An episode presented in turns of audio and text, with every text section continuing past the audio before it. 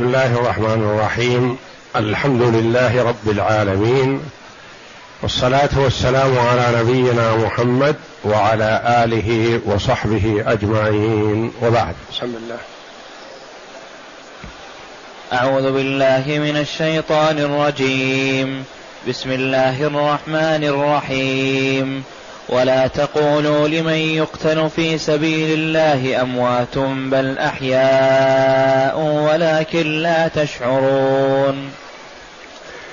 هذه الآية الكريمة في سورة البقرة جاءت بعد قوله جل وعلا يا أيها الذين آمنوا استعينوا بالصبر والصلاة إن الله مع الصابرين.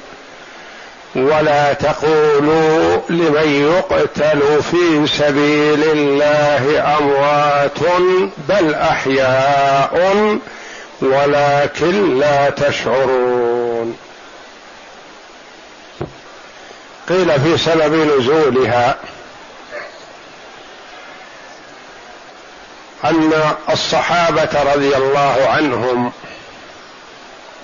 قالوا لما استشهد في موقعة بدر الكبرى أربعة عشر من الصحابة رضي الله عنهم. ستة من المهاجرين وثمانية من الأنصار رضي الله عن الجميع. ظن الصحابة الأحياء أن هؤلاء حرموا من متعة الحياة. ماتوا.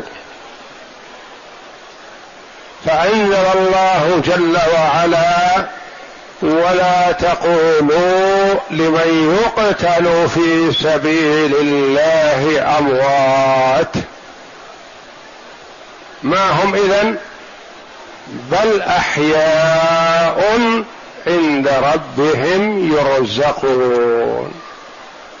لا تسموهم أموات بل هم أحياء وحياة مريحة. يتلذذون بين أشجار الجنة وأنهارها. ليسوا أموات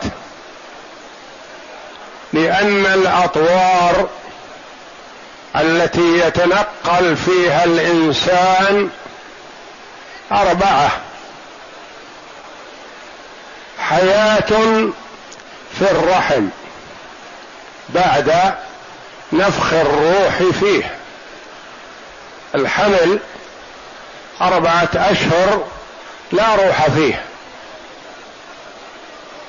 بعد أربعة أشهر عند تمام الأربعة يرسل إليه الملك فينفخ فيه الروح ويؤمر بأربع كلمات بكتب رزقه وأجله وعمله وشقي أو سعيد.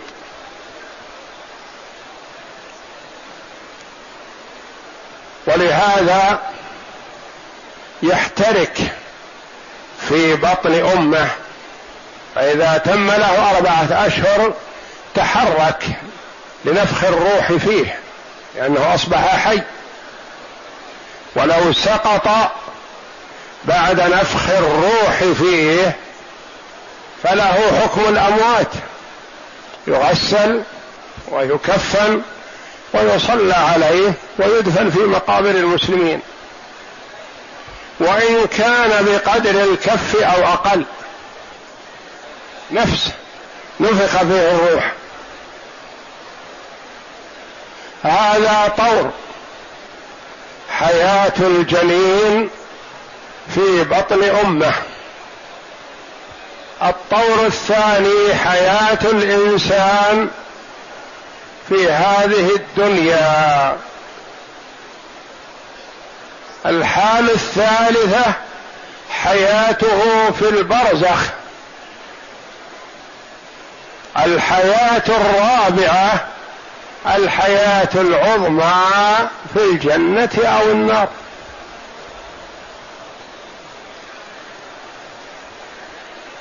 وكل حالة أوسع وأعظم من الحالة التي قبلها أضيقها الرحم. وأوسعها لمن وفقه الله الجنة. وكل حالة وحياة تختلف عن الحالة الأخرى. فالجنين في بطن أمه يقال له حي وحياة وينمو ويتحرك ويتغذى. يغذيه الله جل وعلا بالحيض دم الحيض يتحول له غذاء بإذن الله.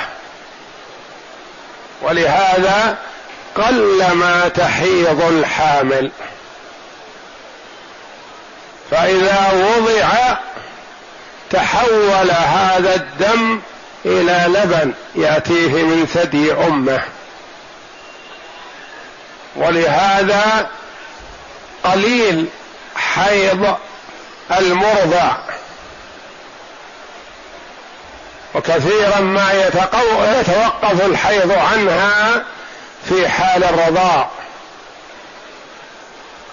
ولهذا بعض من طلق وهي ترضع يأخذ الولد منها. لأنه قد لا ينتظم معها الحيض فتطول العدة. ولا بد أن تكون العدة لذوات الاقراء ثلاثة اقراء ثلاث حيض. وقد لا تحيض في الشهرين والثلاثة إذا كانت ترضع.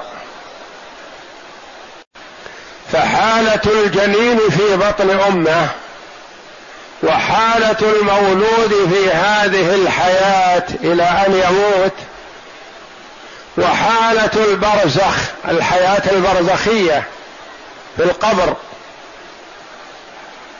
والحياة العظمى بعد هذا وهي في الدار الآخرة يوم القيامة وما بعده. وكل حالة تختلف عن الأخرى. فالحياة في هذه الدنيا تختلف عن حياة البرزخ. ولهذا قال الله جل وعلا بل أحياء ولكن لا تشعرون. ما تدرون ما هذه الحياة. ما تدرون ما هي حتى تمروا بها. ما يتصورها الإنسان. لأنه لو فتح القبر وجد الجثة في القبر. وصاحبها منعم في روضة من رياض الجنة. والآخر والعياذ بالله قد يكون في حفرة من حفر النار. والاثنان في قبر واحد. ما بينهم حاجز. لأنه إذا تكاثرت الأموات يجوز أن يجمع الميتان والثلاثة والأربعة في قبر واحد. فقد يكون الاثنان في قبر واحد أو الثلاثة واحد منهم في روضة من رياض الجنة ينعم ويأتيه من رزق الجنة ويتنقل بين أشجار الجنة والآخر في حفرة من حفر النار يعذب صباح ومساء ولا واحد يدري عن الآخر ولا يتأذى به ولا يسمع صراخه ولا يدري عن نعيمه. لأنها حياة ما تدرك ما يدركها إلا الله جل وعلا. حجب الله علمها عن البشر. ولا تقولوا لمن يقتل في سبيل الله أموات بل أحياء. الجزاء عظيم من الله جل وعلا.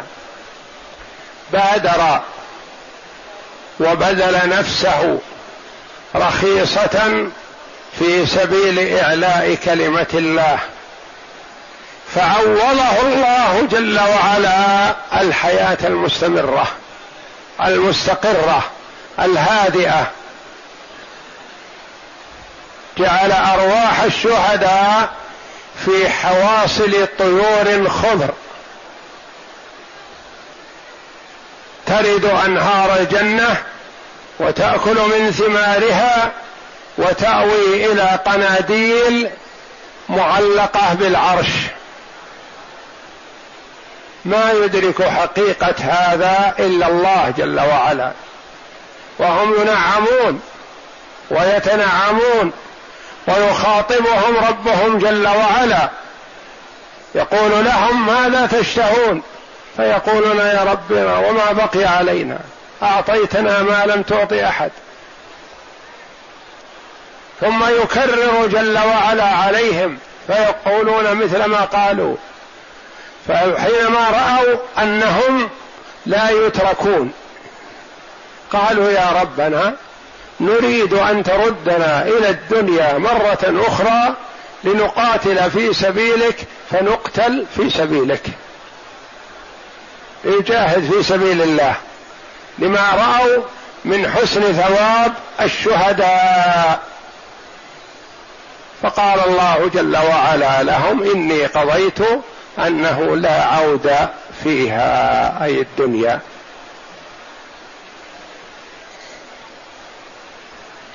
فهم أعطوا الثواب المناسب لما بذلوه من أنفسهم. المرء إذا تصدق بالصدقة من كسب طيب ابتغاء وجه الله تقبلها ربي بيمينه ونماها له كما ينمي ويقوم أحدنا على فلوه حتى تكون كالجبل العظيم. ما تصل إلى حد تقف تستمر. تستمر في النمو. صدقة تكون بهذه المثابة. نفس ما يعطى بدلها أنفس. يعطى حياة لأنه قدم نفسه للموت في سبيل الله فيعطى حياة مستقرة حياة هادئة. الواحد منا إذا فقد حبيبه يحزن عليه يظن انه مات وأنه في ضيق وأنه في كذا وإن كان صالح فهو انتقل من الضيق إلى السعه وانتقل من الهم والنكد وتعب الحياة إلى الراحة والاستقرار والطمأنينة والسرور في أنهار الجنة. ما يدري عنه أهل الدنيا. ولذا قال الله جل وعلا لما ظن المرء أن الميت مات اظن أنه انتهى قال الله جل وعلا بل أحيا. لا تقولوا. لا تقولوا لمن يقتل في سبيل الله أموات. ما تقول ميت. لا تقول فلان مات. ما مات. وانما انتقل من حياة فيها نكد إلى حياة فيها طمأنينة واستقرار وروح وريحان وأنهار الجنة وثمار الجنة. يغدى عليهم بأقواتهم من الجنة صباح مساء. ولا يدري عن هذا أهل أهل الدنيا. بل أحياء عند ربهم عند الله تفضيل لهم. عند الله. يعني أرواحهم تأوي إلى قناديل معلقة بالعرش بعرش الرحمن جل وعلا. وأقرب الخلق إلى الله جل وعلا العرش. والعرش مخلوق من مخلوقات الله. وهؤلاء يأوون إلى قناديل معلقة بالعرش. والأرواح شيء محسوس لكن ما يدرك في هذه الحياة. وحواصل الطير أو أجواف طير أو الطير. قال بعض العلماء هذه لهم بمنزلة الهودج بمنزلة الهودج الذي يركب فيه الراكب يحمله من مكان إلى مكان. والقصد الروح تنعم نعيم وهي كائنة في حواصل أو في أجواف طيور خضر كما جاء في الحديث كما سيأتي. فهذه الطير تصعد بها وتهبط بها وتتنقل بها وأنها أشياء محسوسة الروح. الروح غير البدن والبدن قد ينعم وقد يعذب ويتنعم ويتعذب وهو يرى في قبره كأنه جثة هامدة ما في حياة ولا حراك ولا شيء من هذا. لأن أمور البرزخ ما تدرك في الحياة. وكثير من الأمور في الحياة لا تدرك كما هي حقيقة ولا يحس بها من حوله مثل رؤيا المنام. قد يكون اثنان في فراش واحد أحدهم يرى أنه في نعيم وأنه يتنقل من كذا إلى كذا وفي سرور وانبساط وكذا إلى آخره والآخر يصرخ ويرى أنه معذب ويتعذب ويتألم وإذا استيقظ إذا هو متأثر في لونه وجسمه وعرقه وكلاهما بجنب بعض ولا يدري الآخر أحدهم عن الآخر. فالله جل وعلا بعض الأمور لم يطلع عليها الخلق. ولذا قال النبي صلى الله عليه وسلم لو تعلمون ما أعلم لا لبكيتم ولا خرجتم إلى الصعودات ولما تلذذتم بالفرش و ولو علمتم أو لو سمعتم شيئا من عذاب القبر لما تدافنتم. والمعذب في قبره يصرخ صرخة يسمعها كل شيء إلا الإنسان إلا الثقلان الجن والإنس. ولو سمع الإنسان لصعق. والله جل وعلا لم يطلع عليها الخلق لم يطلع عليها الثقلين الجن والإنس الذي يمكن يتناقلون المعلومات فيما بينهم. وأما الحيوانات فتعلم. ولهذا قيل لشيخ الإسلام ابن تيمية رحمه الله نرى أنه أحيانا تكون الشاة أو البقرة أو الناقة صار على حليبها ما ينزل. أو قد تكون في حال ولادة ما يتحرك جنينها ينزل. فيؤتى بها حول مقبرة أو مكان ما ف ينزل الحليب وينزل ويسهل البطن وإلى يحصل لها ما يحصل في آلات كثيرة. قال نعم هذه ربما تمر على قبور معذبة معذب أهلها فتسمع الصراخ والوعيل فينزل ما ينزل منها وينطلق. لأنها تدرك وتسمع ما يحصل من الصراخ والوعيل والعذاب والألم والضرب تدركه. البهيمة لكن ما تخبر عن شيء. بهيمة. والثقلان الجن والإنس ما يعلمون لحكمة يعلمها الله جل وعلا. ولهذا قال الله جل وعلا ولكن لا تشعرون.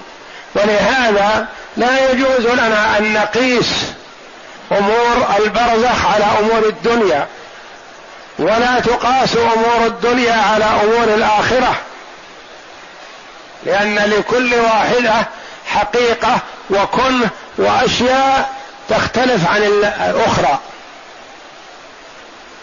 وفي هذه الآية دلالة على نعيم القبر وعذابه وأنهما حق. ومن أصول أهل السنة والجماعة الإيمان بنعيم القبر وعذابه لأنه جاء الخبر عنهما في السنة الصحيحة الصريحة وخاصة العذاب في السنة وأما النعيم ففي مثل هذه الآية وغيرها. ولا تقولوا لمن يقتل في سبيل الله أموات لا تقولوا هم أموات. بل هم أحياء عند ربهم يرزقون. يراح عليهم بالرزق ويتنقلون بين أنهار الجنة وثمارها. بل هم أحياء عند ربهم يرزقون.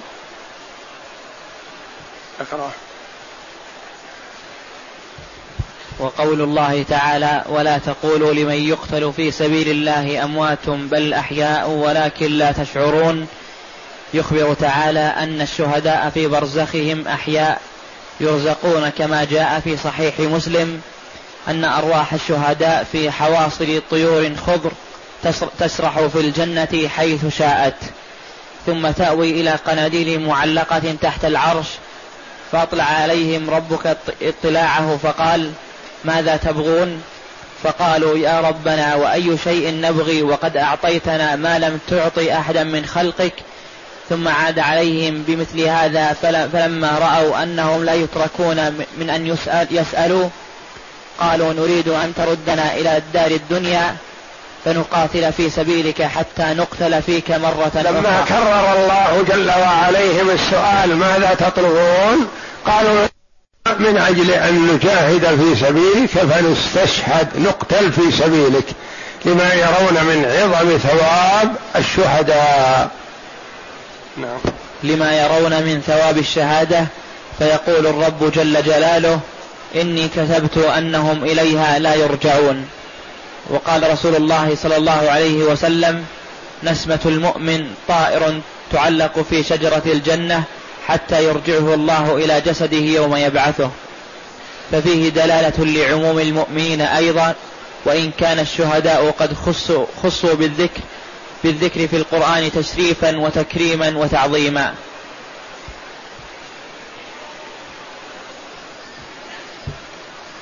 والله أعلم وصلى الله وسلم وبارك على عبده ورسول نبينا محمد وعلى آله وصحبه أجمعين.